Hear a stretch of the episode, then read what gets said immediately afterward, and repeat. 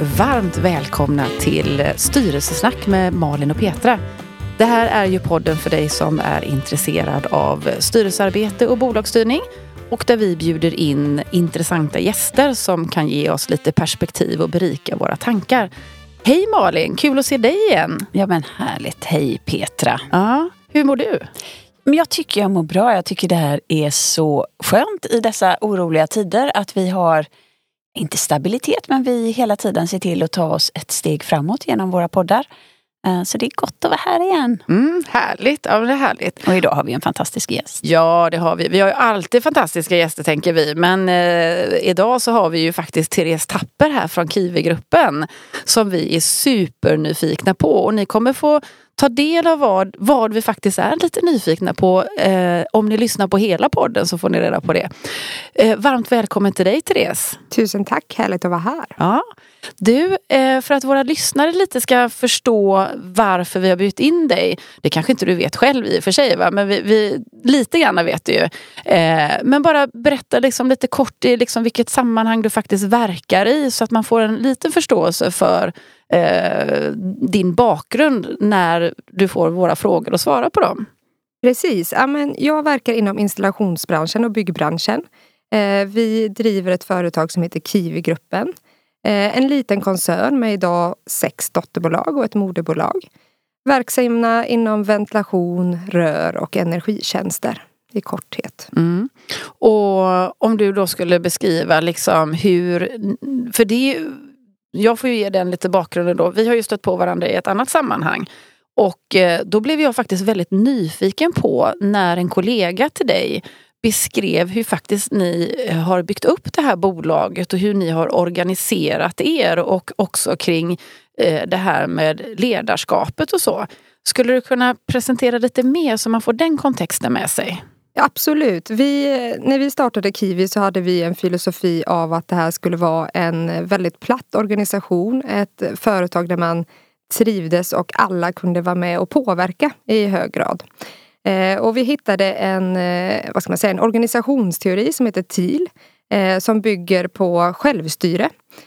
Och vi har tagit lite inspiration därifrån skulle jag säga. Vi kanske inte helt är en TIL-organisation men vi lever helt chefslösta. Vi är idag 60 personer eh, och har olika roller givetvis men inga chefer, ingen VD på pappret utan driver bolaget tillsammans. Eh, allt från eh, gemensamma lönerevisioner till beslut som tas ut i produktion till att vi är fullständigt transparenta med alla, alla våra kollegor. Mm. Det här är ju superspännande. Alltså, ingen VD på pappret, vad, vad innebär det? Ja, men för oss innebär det att eh, det finns såklart en firmatecknare där vi tecknar två i förening. Eh, men vi har, ingen, vi har ingen hierarki i vårt bolag alls. Vilket jag tycker är ganska unikt och väldigt befriande att jobba inom. Då jag tror att många fler människor idag kan fatta beslut i sitt arbete likt man kan fatta beslut i sitt privatliv.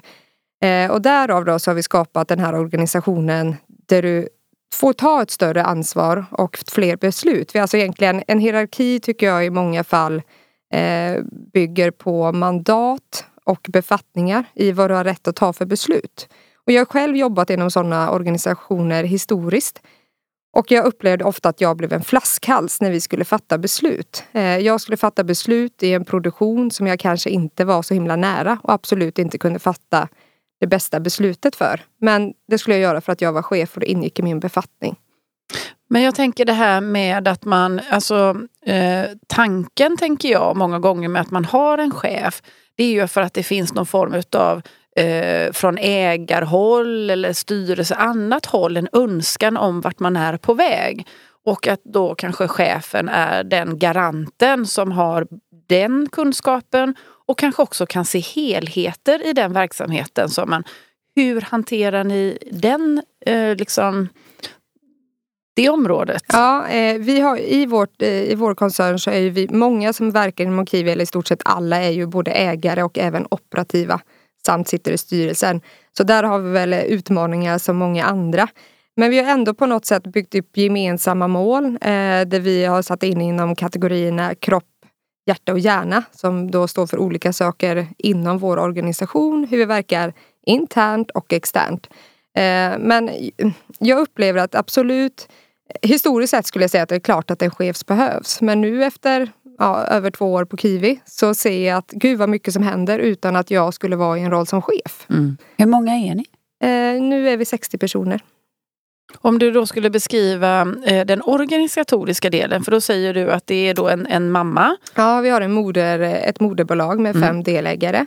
Eh, och där i så äger moderbolaget alltid 51 procent ner i döttrarna. Mm. Eh, och idag är det fem döttrar då. Eh, tre i Göteborg och två i Varberg. Mm. Och på, lokal, på dotterbolagsnivå där är man då som medarbetare också delägare på de resterande 49 procenten? Ja, där finns det olika konstellationer men vi har sagt att man ska vara minst två att dela på de 49 men det går bra med fler också.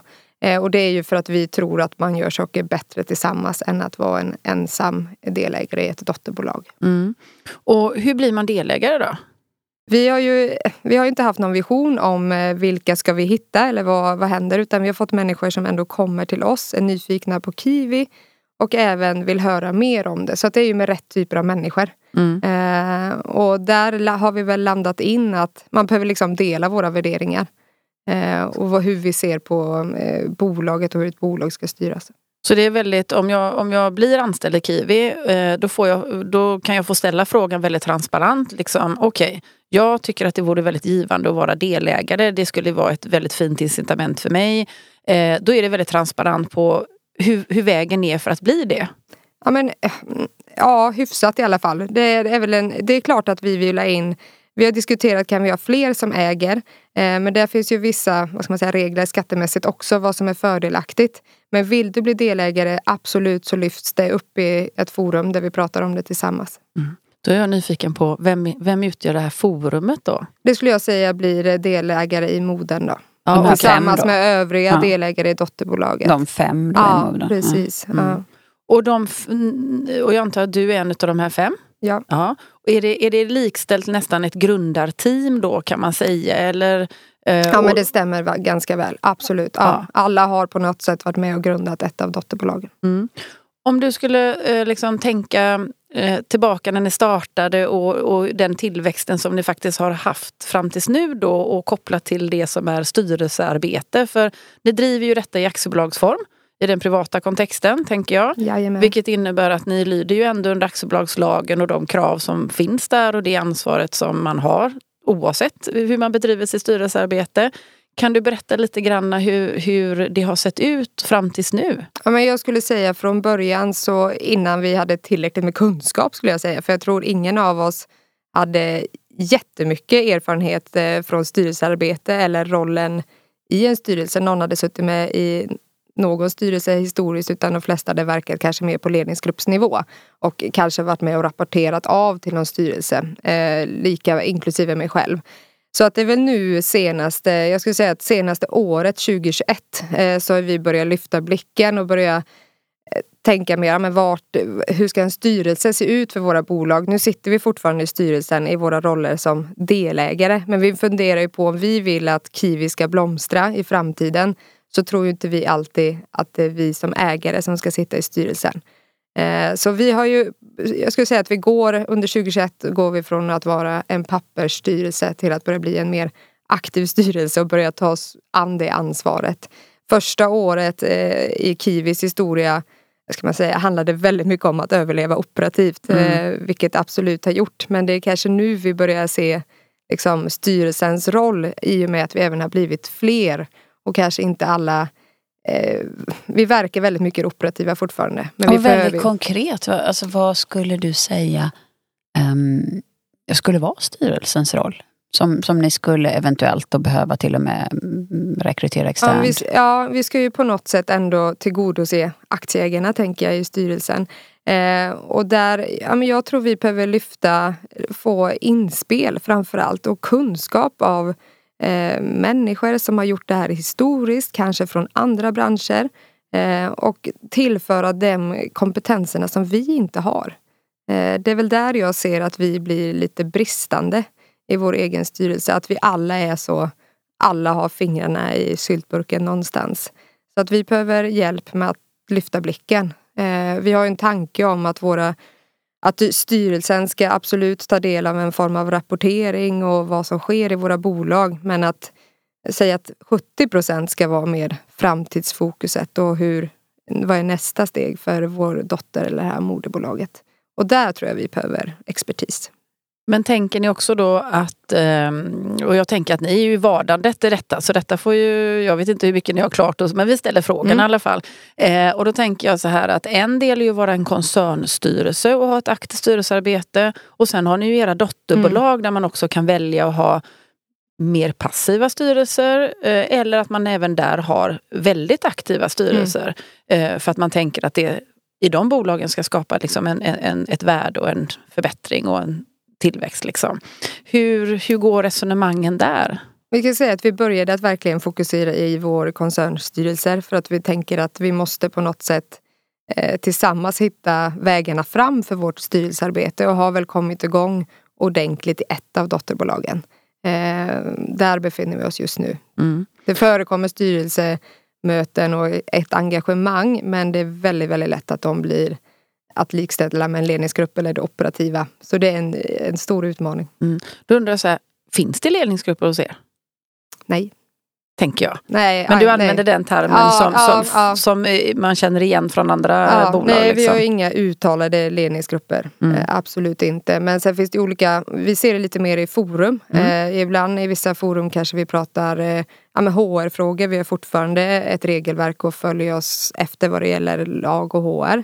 Eh, vi har ett som är eh, introducerat på arbetsmiljö. Och, så att det är lite så vi försöker jobba. Mm. Eh, produktion är ett annat, en annan del då hos oss. Mm. Så att vi har försökt plocka ner det man kanske generellt gör i en ledningsgrupp till att hitta interna forum istället. Och när ni hittar de här forumen då, hur, hur fungerar det rent praktiskt? För då är det ju egentligen ingen som är chef och ingen som kan säga att du Therese, du får gå in i den här gruppen och, och Pelle, du får gå in i den här gruppen. Utan är det, ja, ja, det, jag skulle säga att det är väldigt mycket kring vad finns det för engagemang. Eh, ofta så finns det någon som är engagerad i den frågan som vill vara med och driva forumet. Eh, och där är väl så vi utgår från Sen finns det ju vissa forum och vissa frågor som kanske behöver finnas fast det inte finns någon som har det allra, allra starkaste engagemanget. Eh, och där är det lite så att då får man väl räcka upp handen och ta den. Eh, Ni som är grundare då? Ja, med liksom, ja, eller, mm. ja, det blir ju en sån fråga mm. i det fallet. Men sen någonstans så resonerar vi även så att om det inte finns någon som vill engagera, engagera sig i det här forumet, är det då ett forum vi behöver? Ja, men då tänker jag, det är ju tillbaka till den här spänningen som mm. då blir i den typen av organisation som ni har byggt. Det är ju den här eh, sköna mixen av formella krav inte bara på en styrelse men på ett bolag, som du säger, arbetsmiljö och andra frågor som lagen kräver att ni ska ha koll på. Och vad ni själva tycker är viktigt för er verksamhet. Det är ju två, korrelerar de så är det ju fantastiskt som du säger, då kanske det blir de här forumen mm. och folk räcker upp handen. Men om inte folk gör det, men, men formellt så ställs det krav på er då kan man ju inte negligera det, tänker jag. Hur, hur, hur tänker ni där? Eh, och där har vi haft ett gemensamt samtal och då landar det någonstans i att det finns någon som äger det här och också har ett ansvar. Mm. Eh, så att man, ja, ibland får man ta dem. Mm. Då, då, då landar det på er, ja. som, ja Okay. Det här arbetssättet TIL då, eh, mm. som du säger att ni ligger relativt nära. Um, finns det någon annan i er bransch som jag kan tänka mig många verksamheter som skulle må bra av det. Eh, och många verksamheter där jag skulle också kunna se att ja, men där har man nog testat det.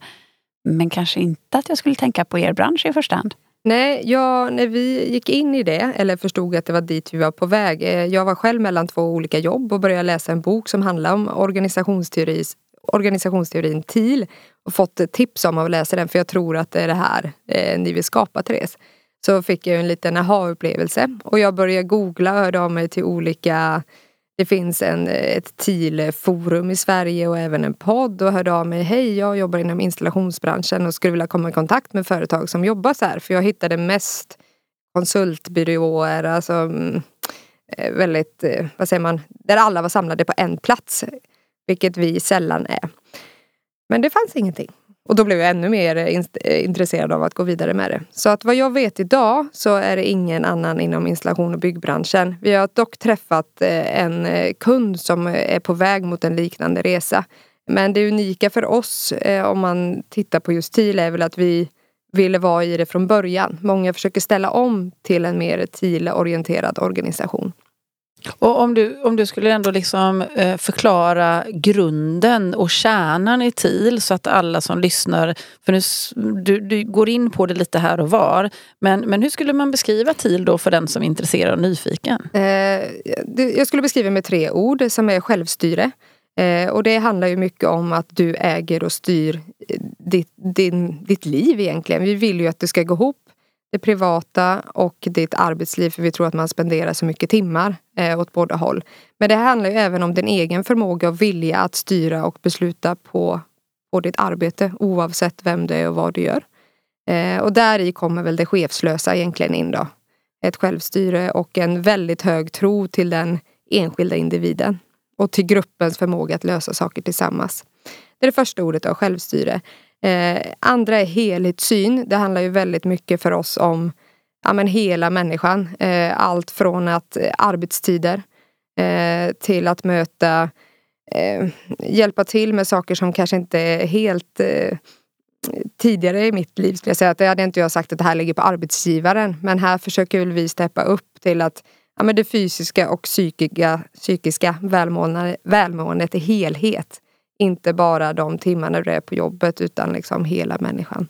Eh, och där har vi pratat mycket om, det tycker jag är häftigt att det kommer upp, att jag tror att vi är en organisation som pratar väldigt öppet om hur mår var och en. Man sitter liksom på morgonen och så kommer man in och berättar att eh, ja, men det är inte så bra med mig. Det har hänt en grej med min fru i helgen och det sitter det då mm, ja, tio gubbar och diskuterar om varför och hur kan vi lösa det tillsammans. Tills att man en vecka senare kommer tillbaka och säger att nu tog jag det där samtalet med henne och nu är det mycket bättre i vår relation. Och det är någonting vi verkligen försöker öppna upp för att kunna ha den typen av samtal på, på jobbet. Att jag vet idag mår Petra bra eller idag mår hon inte bra. Och varför och hur jag ska förhålla mig till det. Eh, den tredje delen i TIL då, man säger är evolutionärt syfte. Och den tycker väl vi fortfarande är den svåraste delen att jobba med. Som handlar väldigt mycket om varför finns vi som företag. Mm. Eh, och vi finns ju då i många fall för att leverera de här tekniska lösningarna som leder till något jättebra. Men det här ska ju handla om ett större syfte. Varför finns vi på denna jord och vad gör vi? Och vi försöker väl idag jobba mycket kring att vi finns eh, för att kunna erbjuda arbeten till människor. Men mm. vi skulle vilja ha liksom nästa steg mm. på den. Så den är den svåra. Så de tre skulle jag beskriva att teorin hänger ihop med. Då. Mm. Um, Okej, okay. och, och, de företag som ni har varit i kontakt med, eller som du har sett, där har man försökt att konvertera eller göra en förflyttning egentligen i det och ni hade med det från början. Ja. Eh, och, och vad, vad, ger man för tips till dem som skulle vilja gå åt det hållet? För jag har ju hört något liknande men, men TIL har inte dykt upp, dykt upp i det sammanhanget utan man pratar kanske lite andra, eh, andra termer och lite andra språk. Liksom och så här då. Va, va, vad skulle utmaningen vara i en befintlig, du som också har varit i hierarkiska strukturer? Liksom?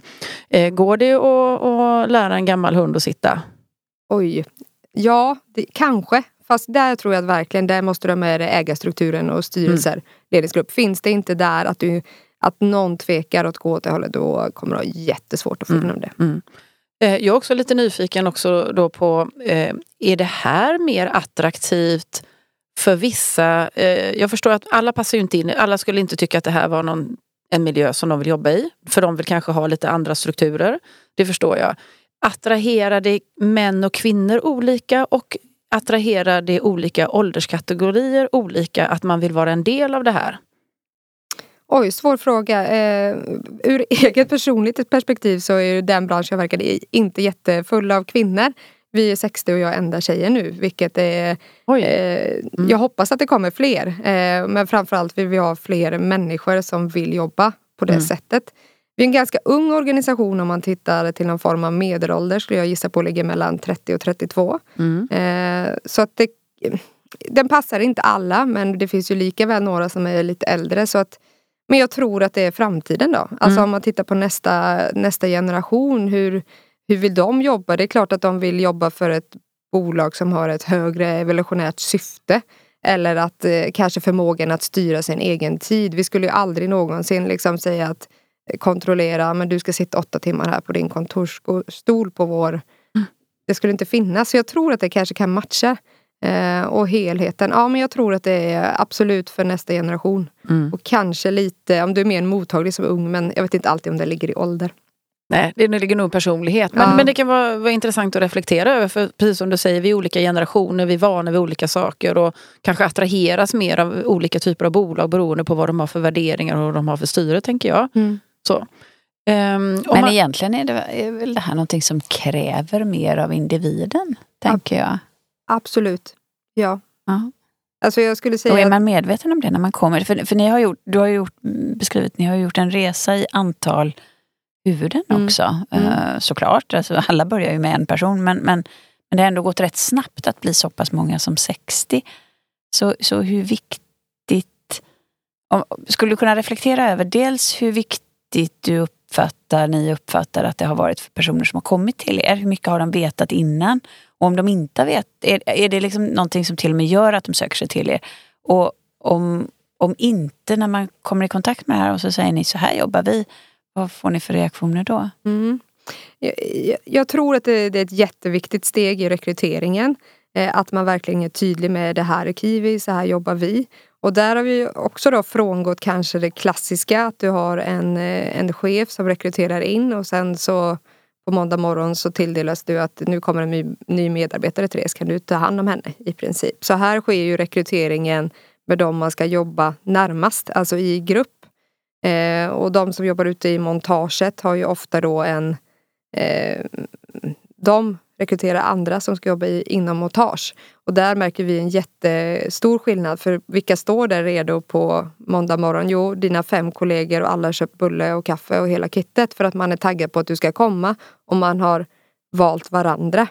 Eh, så att det är en jätteviktig del för den som blir eh, anställd att man har tagit del av det här innan. Och jag ska säga att i, för några så kan det ha kommit lite för sent. Att du tar del av det när du nästan har liksom börjat, när det har gått väldigt fort i rekrytering, när vi har haft behov av att bli fler. Eh, jag bara tänker om vi kommer tillbaka lite grann till styrelsearbetet då när ni säger att ja, men vi har haft ett mer passivt styrelsearbete, nu är det mer aktivt i koncernstyrelsen. Eh, vad är det ni eh, gör i ert aktiva styrelsearbete när du säger det? Liksom, eh, har ni där, har ni ett ägardirektiv på något sätt? Finns det liksom andra styrmekanismer som ni jobbar utifrån? Och vad, vad gör ni på ett styrelsemöte? Och hur ofta träffas ni? Absolut, det finns ett ägardirektiv som vi har tagit fram som är ganska tydligt och det har funnits ända från start. Eh, som sträcker sig en femårsperiod då, från start. Så vi är väl ungefär halvvägs in i det, lite mer. Eh, och styrelsemötena nu ligger varannan månad eh, på koncern. Eh, två till fyra gånger på döttrarna. Eh, och framför allt så tittar vi ju på eh, en rapporteringsdel liksom av hur mår våra dotterbolag i koncernstyrelsen då. Och sen så kikar vi vidare på men vad näst, vad, vad vill vi, vart ska vi för att vi ska nå det här direktivet vi har satt. För oss själva då blir det ju också. Mm. Så att, eh, Det är lite mer den strategiska delen. ja, Liksom. ja. Mm. Och sen fortfarande även skulle jag säga, där är vi ehm, inte perfekta på att släppa det operativa och det vi är verksamma i. Så vi jobbar väldigt mycket med att försöka lyfta blicken för Kiwi-gruppen som helhet. Mm. Eh, Men sen kommer det in i och med att vi har blivit fler så kommer andra krav och hur ska vi då som styrelse applicera det här ut i våra bolag så att vi följer dem, det regelverk som finns. Mm. Och om man då är en av de här 60 eh, och så ser man att här sitter de här fem grundarna och pratar strategi och framtid. Jag vill också vara med. Vad, vad, vad gör man då? Vi har försökt bjuda upp till det också Mm. eh, och vi har pratat mycket om att kunna ha en adjungerande in på styrelsemöten i olika frågor. Eh, För jag tror det skulle göra väldigt gott för oss. Sen har vi då även skapat en möjlighet att eh, har du någonting du tror kan eh, hjälpa hela Kiwi-gruppen så vill vi jättegärna in förslag på det och en presentation liksom i på vilket sätt skulle det här kunna göra oss bättre. Men den är svår. Men det jag hade velat är ju att varje gång ha med en utifrån vår organisation eller någon som får vara med och lyssna för det är ändå för människorna vi verkar på något sätt. Så det Men finns jag- väl som är någonting vi har pratat om att vi ska göra. Är det att de inte har tid eller ni har bara inte hunnit att bjuda in? Eller? Jag skulle säga att vi inte har hunnit att bjuda in ordentligt. Nej. Eh, För att vi själva kanske har varit lite osäkra i vårt eget styrelsearbete. Och det är väl någonting som jag tycker ibland att eh, jag har pratat med dig om det Petra tidigare, att styrelsen ibland kan kännas lite för ja, med lite stängda dörrar, det är ett konferensrum, man sitter runt. Alltså det, jag ska inte säga att det inte ska vara seriöst men att man kanske har lyft det så att det känns man vågar typ inte riktigt ens vara med vid sidan av för att det känns så himla, inte präktigt kanske. Det är rätt ord. Hur kommunicerar ni från styrelsemötena? Ingenting. Inte från styrelsemötena men vi har en chattgrupp för alla då, mm. där om vi fattar beslut i vissa frågor så eh, har vi sagt att man alltid ska dela det till mm. dem det berör. Yeah. Mm. Så det finns, eh, vi har ju en ganska rejäl chatt på Kiwi med olika bolag och sådär. Eh, där vi delar med alla, högt och lågt. Men jag tänker eh, tillbaka liksom lite grann till, till de formella kraven. Eh, för det kan ju vara så, alltså i ett privat bolag behöver man inte ha en VD precis så som ni har. Och det är ju, det är ju faktiskt de som utövar det så utan att faktiskt ha eran, eran liksom filosofi.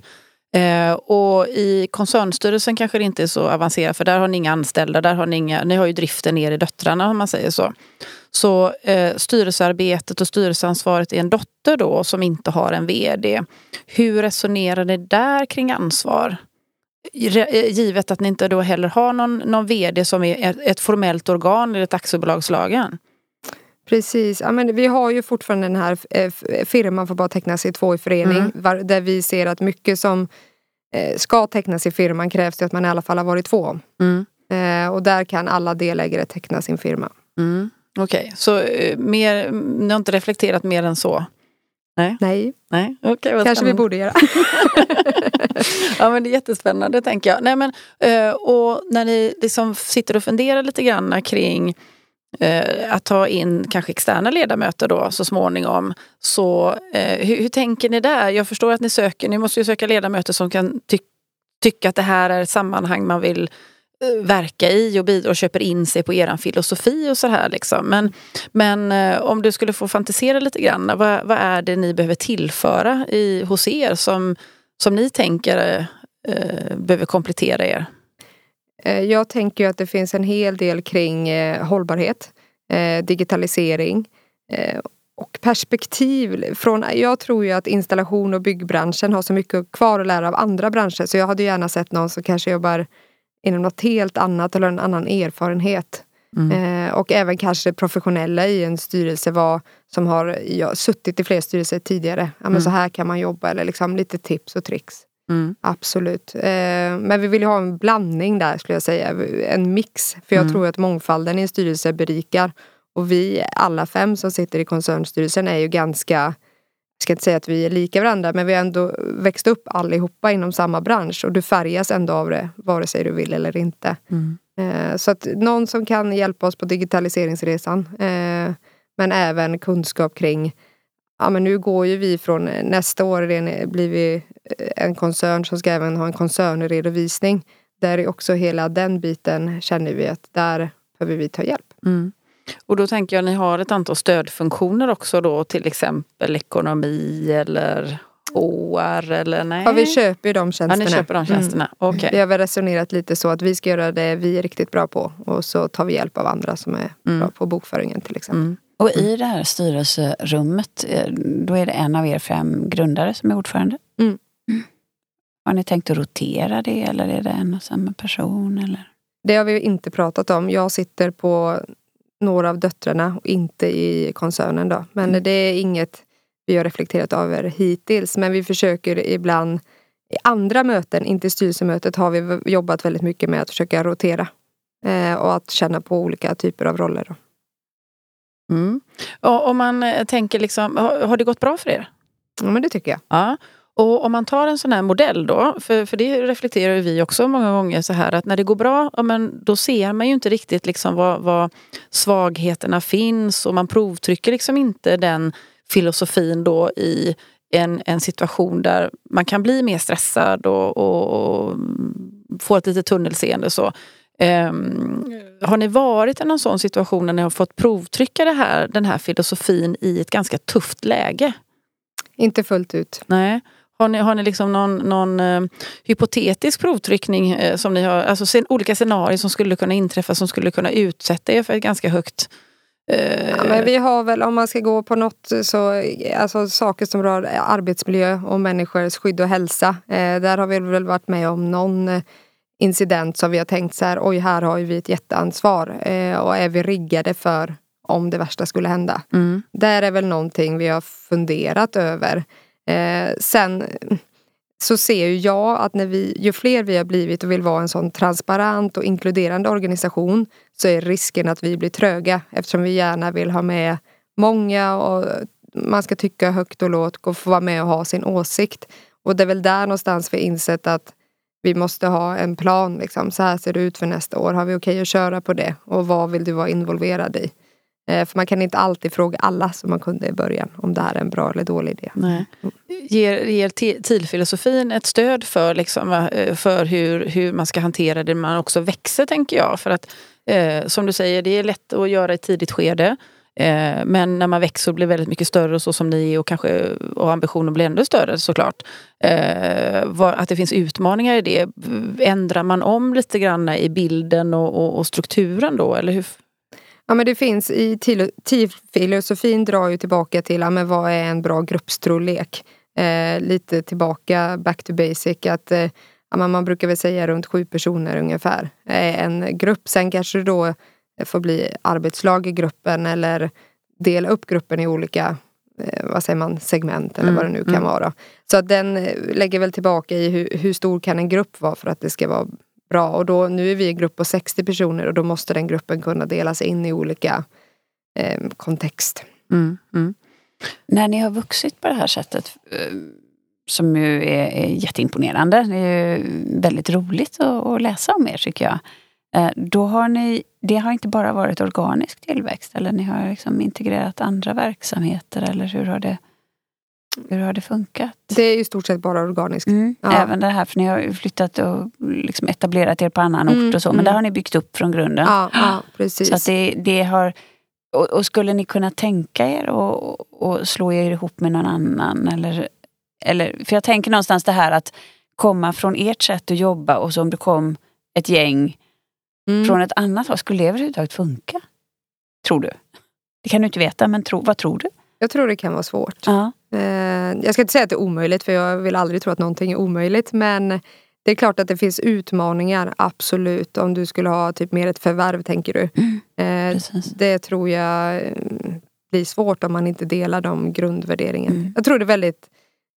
Om man är en grupp som är i någonting och förvärvar ett annat bolag så är min erfarenhet att det är svårt att slå sönder andra värderingar och kultur som finns bland de människorna. Mm. Mm. Jag tror det skulle vara svårt. Och vi har inte riktigt haft visionen att vi skulle växa så fort heller utan det är någonting som lite har hänt. Eh, och som kanske låter lite vad säger, lite läskigt då. Men samtidigt så gillar jag det för att det finns inga, inga måltal på omsättning. Vi, absolut, vi ska tjäna pengar. Det är ju för att får egen överlevnad. Men det ju, handlar väldigt mycket om eh, de människorna som har kommit till oss då. Och även i relationer med kunder att vi har fått väldigt mycket fina, eh, fina projekt och relationsuppdrag. Mm. Vad, vad, känner, vad, kan du inte, om det är okej, okay, liksom, bli ännu lite mer komma nära Therese i det här? Vad, vad är dina drivkrafter? Ja, men jag gillar ju att eh, utveckla människor. Det är nog det som ligger mig allra varmast om hjärtat. Eh, jag blir glad av att se andra lyckas och tycker att det är väldigt, väldigt roligt att få göra saker tillsammans. Det driver nog mig väldigt mycket. Sen absolut, jag gillar att prestera, jag gillar att få en affär eh, och se vart vi är på väg. Men någonstans så, jag mår riktigt bra av att höra ja, men jag har börjat hos er på Kiwi här nu för eh, två månader sedan. Jag måste säga ni är verkligen ett annat företag och det här företaget ni utger er för att vara. Och jag är så glad att jag har blivit en del av det. Det alltså kickar igång alla mina, mina drivkrafter. Kan du också i det vara lite om man liksom tar sig till, till styrelserummet, ni funderar på liksom extern, alltså det, skulle, det här skulle ju kunna äventyras tänker jag också om det kommer Fel människor? Ja. Ja, absolut. Det är klart det kan. Det är väl en, en kanske en oro man kan ha eftersom jag inser att nej, jag kan inte vara överallt heller. Men det handlar ju om en tillit då. Och mm. en tydlighet framförallt. Eh, men jag drivs nog av att utveckla människor. Och mm. utveckla, jag tycker det är jätteroligt att utveckla Kiwi och allt som vi står inför. Eh, det är någonting som jag mår väldigt bra av att få göra. Jag tänker bara en, en, en ren praktisk sak som jag bara funderar på hur ni hanterar. Och det kanske ni gör i koncernstyrelsen då, för ni, ni tittar ju ändå på hur det går. Eh, och så innan vi satte igång podden här så pratade vi lite grann om det här med lönesättning. Mm. Kan du inte berätta hur ni gör med er lönesättning? För då vill jag ställa det i relation till kunskap om hur det påverkar helheten. Och att vilja sätta en lön är ju en sak men det ska ju också gå ihop sig på andra sidan så att man måste ju vara extremt medveten om, ja, som du säger, helheten då och få mycket kunskap kring helheten. Mm. Vi kan väl ta ett exempel, det är nästan lättare. Mm. Eh, då hade vi i våras, eh, vi är fortfarande anslutna till kollektivavtal av Mm. Byggnads i den här formen. Eh, och alla som jobbar på ventilation eh, kallades till ett möte. Innan det hade vi sagt åt några, vi måste utvärdera om eh, alla känner att man har en marknadsmässig lön. Eh, var på några samtal ringdes till andra kollegor i branschen. Är, är min lön, hur är det min relation, lön i relation till dina kollegor? Så där fick vi ändå då, första frågan var, eh, har vi en marknadsmässig lön inom den bransch vi verkar? Eh, sen nästa del var ju, så här ser kollektivavtalet ut. Sen har vi skjutit till en liten pott. Nu vill vi att eh, vi sitter här och pratar om hur den här ska fördelas. Och då fick man prata både utifrån, utifrån sig själv. Och här, det var ungefär åtta personer.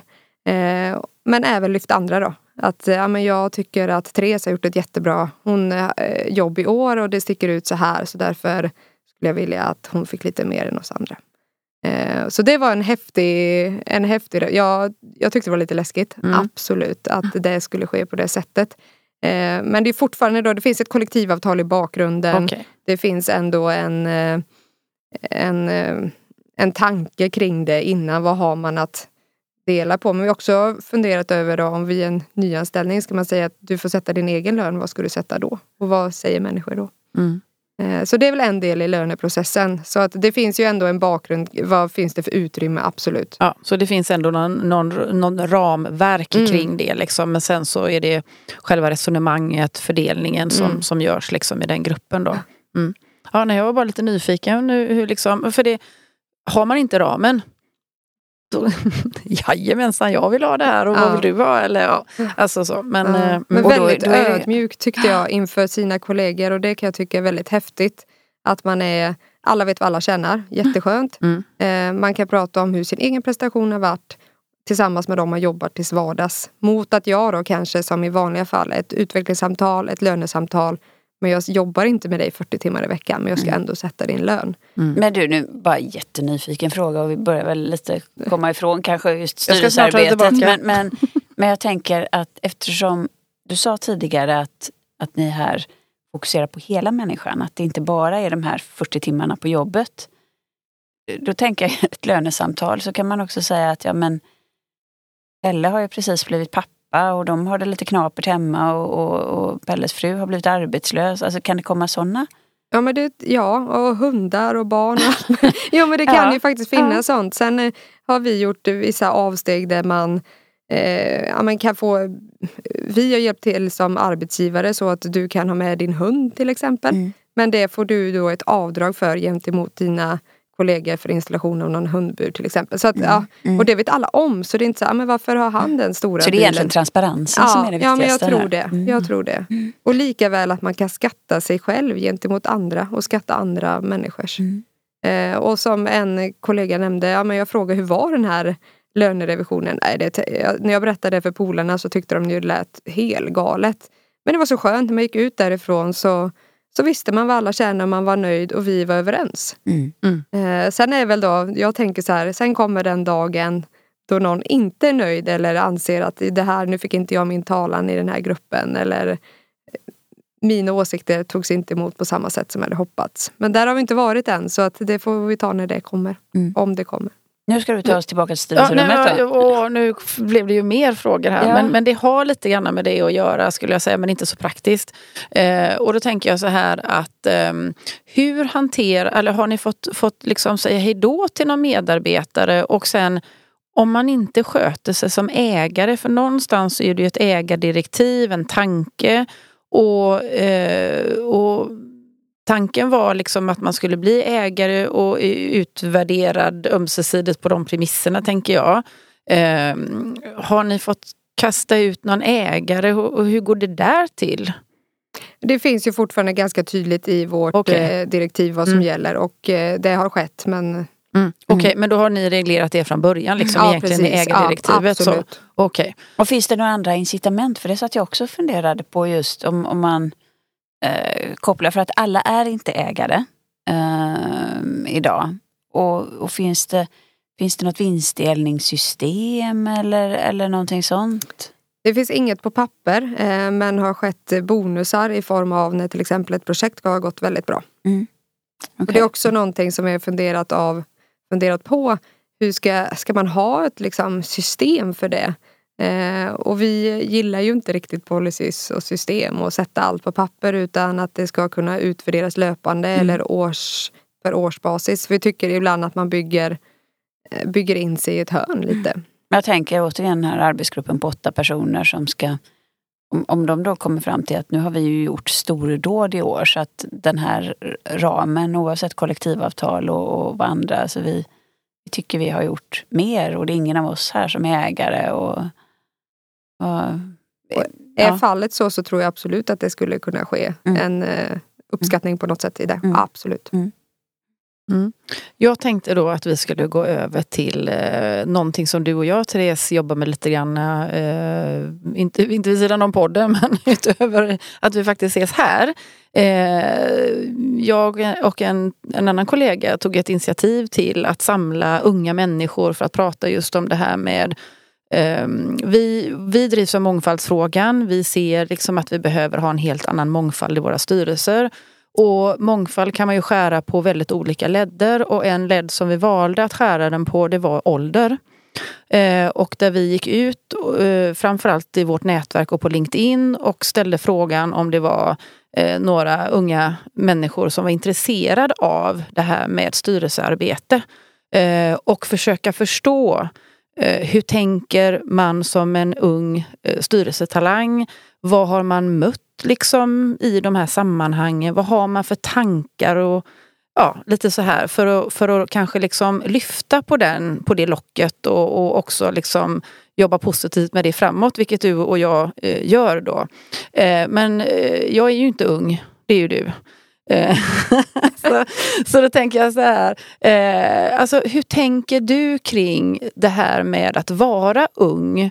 Eh, och, och ha ambitioner att kunna tillföra saker och ting för andra bolag så småningom, tänker jag, eller som du kanske redan gör också, eh, som en ung person i näringslivet. Jag tycker det är ett jätteroligt initiativ det vi håller på med just nu. Och jag tänker ju själv att eh, det är väldigt svårt att ta sig till de här styrelserummen för andra bolag om man är lite yngre. Min egen uppfattning och som jag delar med många fler insåg vi i det här initiativet.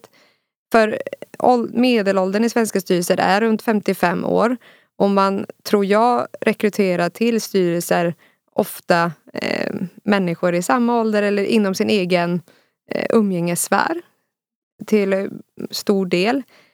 Men att få in unga, jag tror att man som ung, eller som jag själv upplever är att det är vad ska vi säga, men lite burrigt, stängda dörrar. Eh, här sitter viktiga personer och fattar viktiga beslut. Vad, vad ska unga lilla jag eh, kunna bidra med här?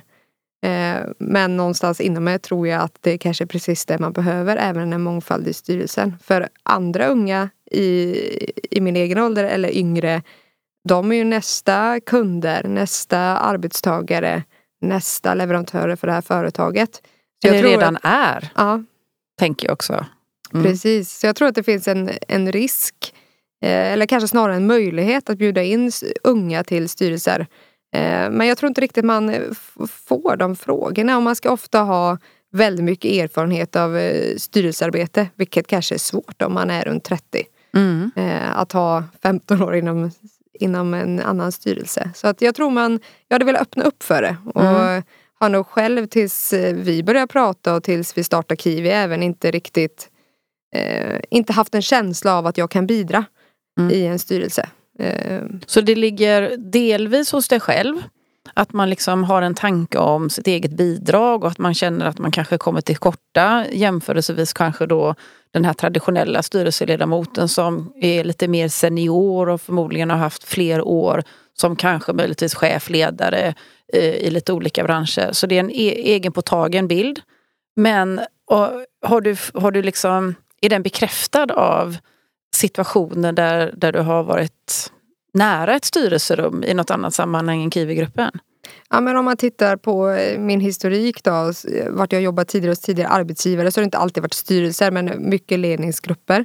Och där får man ju ofta, ja men gud vad roligt att du är ung och tjej. Det är liksom roligt. Är snarare att du kanske ville ha, ja men vad kan jag bidra med här? Mm. Eh, och att man eh, ofta möts av, oj men det där är du lite för ung för. Eller oj, har du den rollen redan nu? Oj, det har gått fort för dig. Ja, men kanske istället för att basera det på vad, vad kan jag och vad kan jag bidra med. Mm. Eh, så att man får ofta kommentarer skulle jag säga kring mm. det. Eh, kring ålder eller varför befinner du dig här? Det är lite tidigt. Mm. Men om jag, då får, om jag då får bjuda in dig då till att eh, marknadsföra vad, en, en, vad du kan bidra med och då får ju du liksom göra en röst för flera eh, unga styrelsetalanger. Då. Men, men om, vad, vad är det du kan bidra med? Nu menar inte jag kritiskt utan nu menar jag faktiskt, jag förstår att du kan bidra men hur skulle det, hur skulle det låta? När du presenterar liksom ditt bidrag. Ja, men jag tror ju på att eh, i där jag befinner mig, i ja, men, eh, småbarnsmorsa liksom, och i 30-årsåldern, eh, driver eget företag, men även det här engagemanget och förståelse för, jag umgås ju både i min egen åldersgrupp men även utanför den och tror att jag skulle kunna fånga in ett helt annat perspektiv. Eh, älskar att prata med eh, yngre, menar jag under 20 i det här fallet då, som kanske, vad vill de göra i arbetslivet? Vad är viktigt för dem?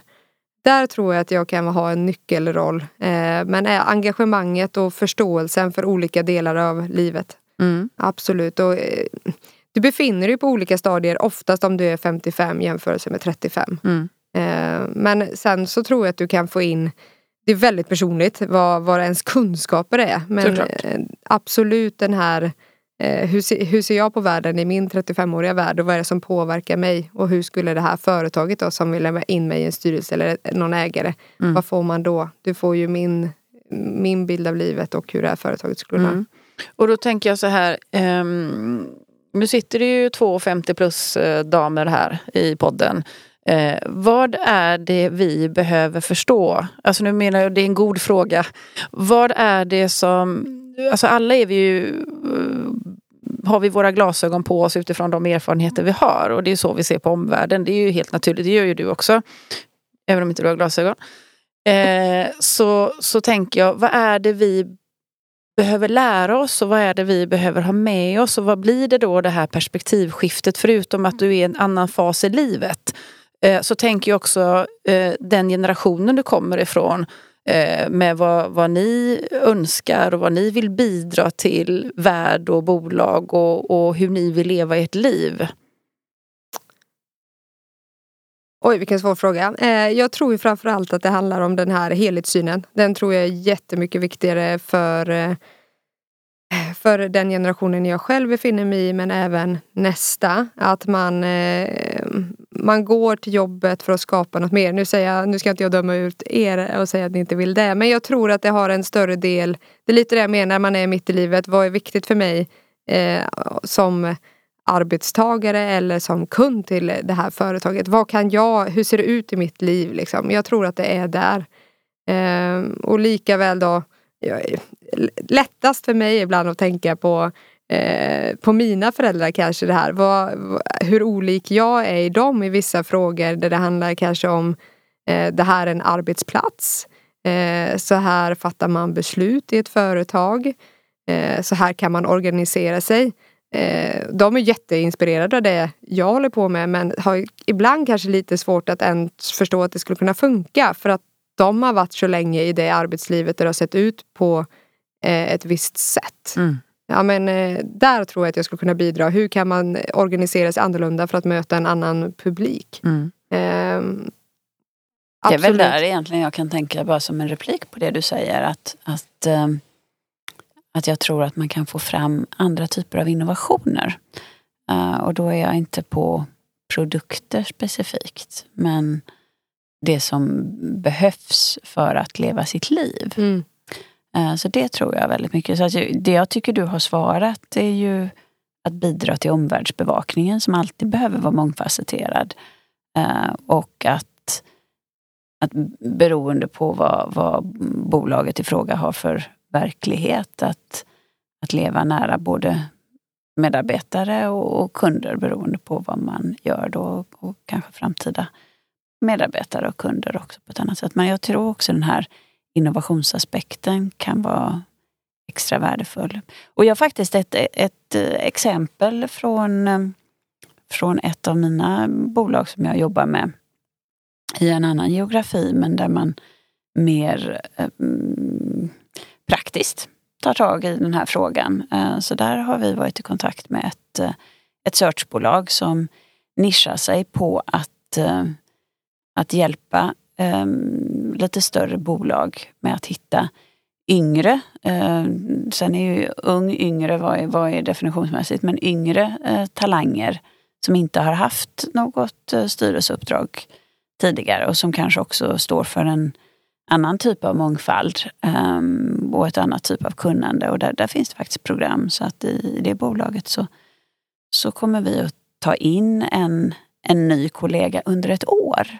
Mm -hmm. Och det är ju lite spännande, det kan man prata en hel podd om. Eh, man får ju samma ansvar eh, men, eh, men det är ett år och det är oavlönat. Alltså, men alltså det finns ju den här typen av, av initiativ och mm. en, en lyhördhet för det. Så det då måste jag bara ehm, fråga dig Malin, varför oavlönad?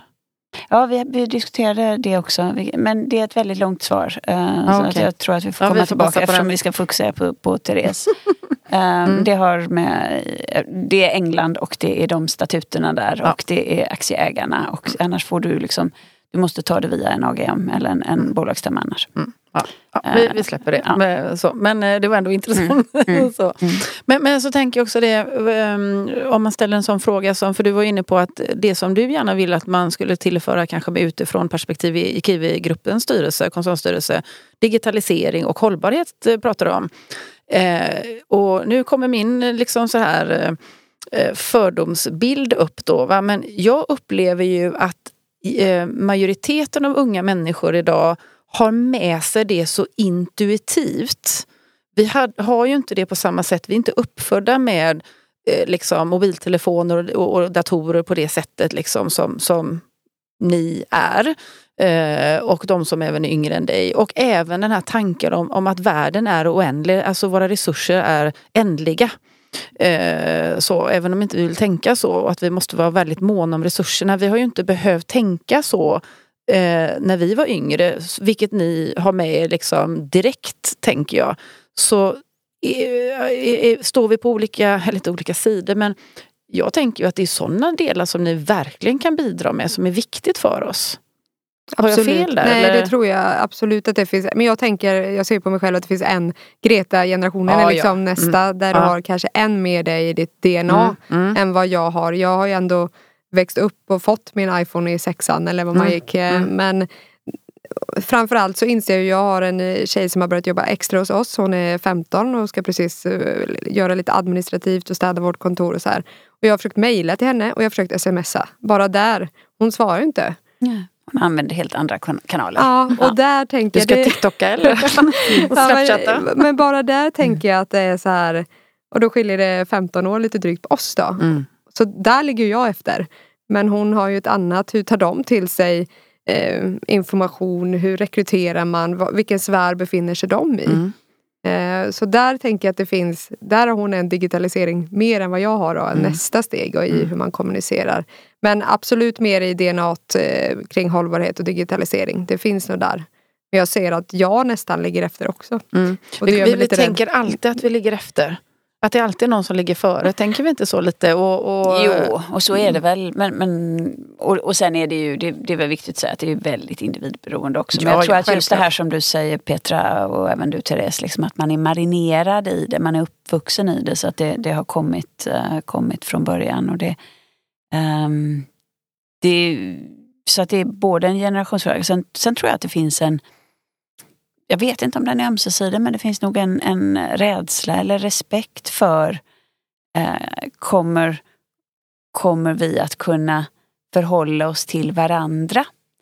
Eh, kommer, är den här nya generationen, jag kan jag är ju naturligtvis inte som själv och inte du heller Petra, men, men kommer den här nya generationen att utmana på ett otrevligt sätt? Kommer, eh, och, och, och, kanske den nya generationen känner, men gud vad ska jag sitta där med de där gamla stofilerna för? Så att jag, jag tror att det, det, behövs träning. Jag tror det är det jag vill komma till egentligen. Att, att hitta sätt att, att göra utbytet eh, naturligt. Mm. Och då är det ju bara att börja. Ja. Eh, men, eh, och där kan väl möjligtvis ett sånt här program att, att Ja men då liksom våga. tänker jag så här, vem är det som tillsätter styrelse? Jo det är ju ägare, valberedningar liksom. Eh, så. Och om du nu får liksom några, någon minut liksom och, och prata rakt till ägare och valberedare som, som sitter och funderar på hur de ska diversifiera sina styrelser som ska försöka få de här fem, sex, sju stolarna som, som det kanske ändå handlar om. Att det blir en så bra mångfald som möjligt och då är ju många, likt er, några ägare vill ju faktiskt ha några av de här stolarna eh, också.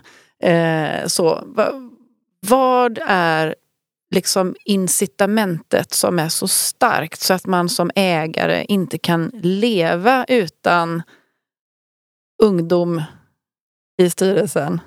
Ja, men ja, det handlar ju om framtida överlevnad för bolaget. Ska vi sätta punkt där tycker du? Mm. Ja, jag tyckte det var kanske ett väldigt bra slut, eh, slutord. Eh, stort tack Therese för att du kom hit och att du ville dela med dig av eh, Kiwi-gruppen, eh, den här filosofin, den resan som ni är på väg. Eh, och vi kommer ju följa er och jag kommer ju följa dig.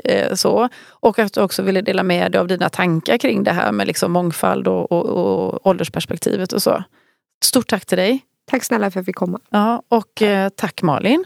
Tack så mycket. Tusen tack Therese. Ja. Mm. Och så tackar vi våra lyssnare och så eh, hörs vi snart igen. Alltid så. Mm. Hej då. Hej då.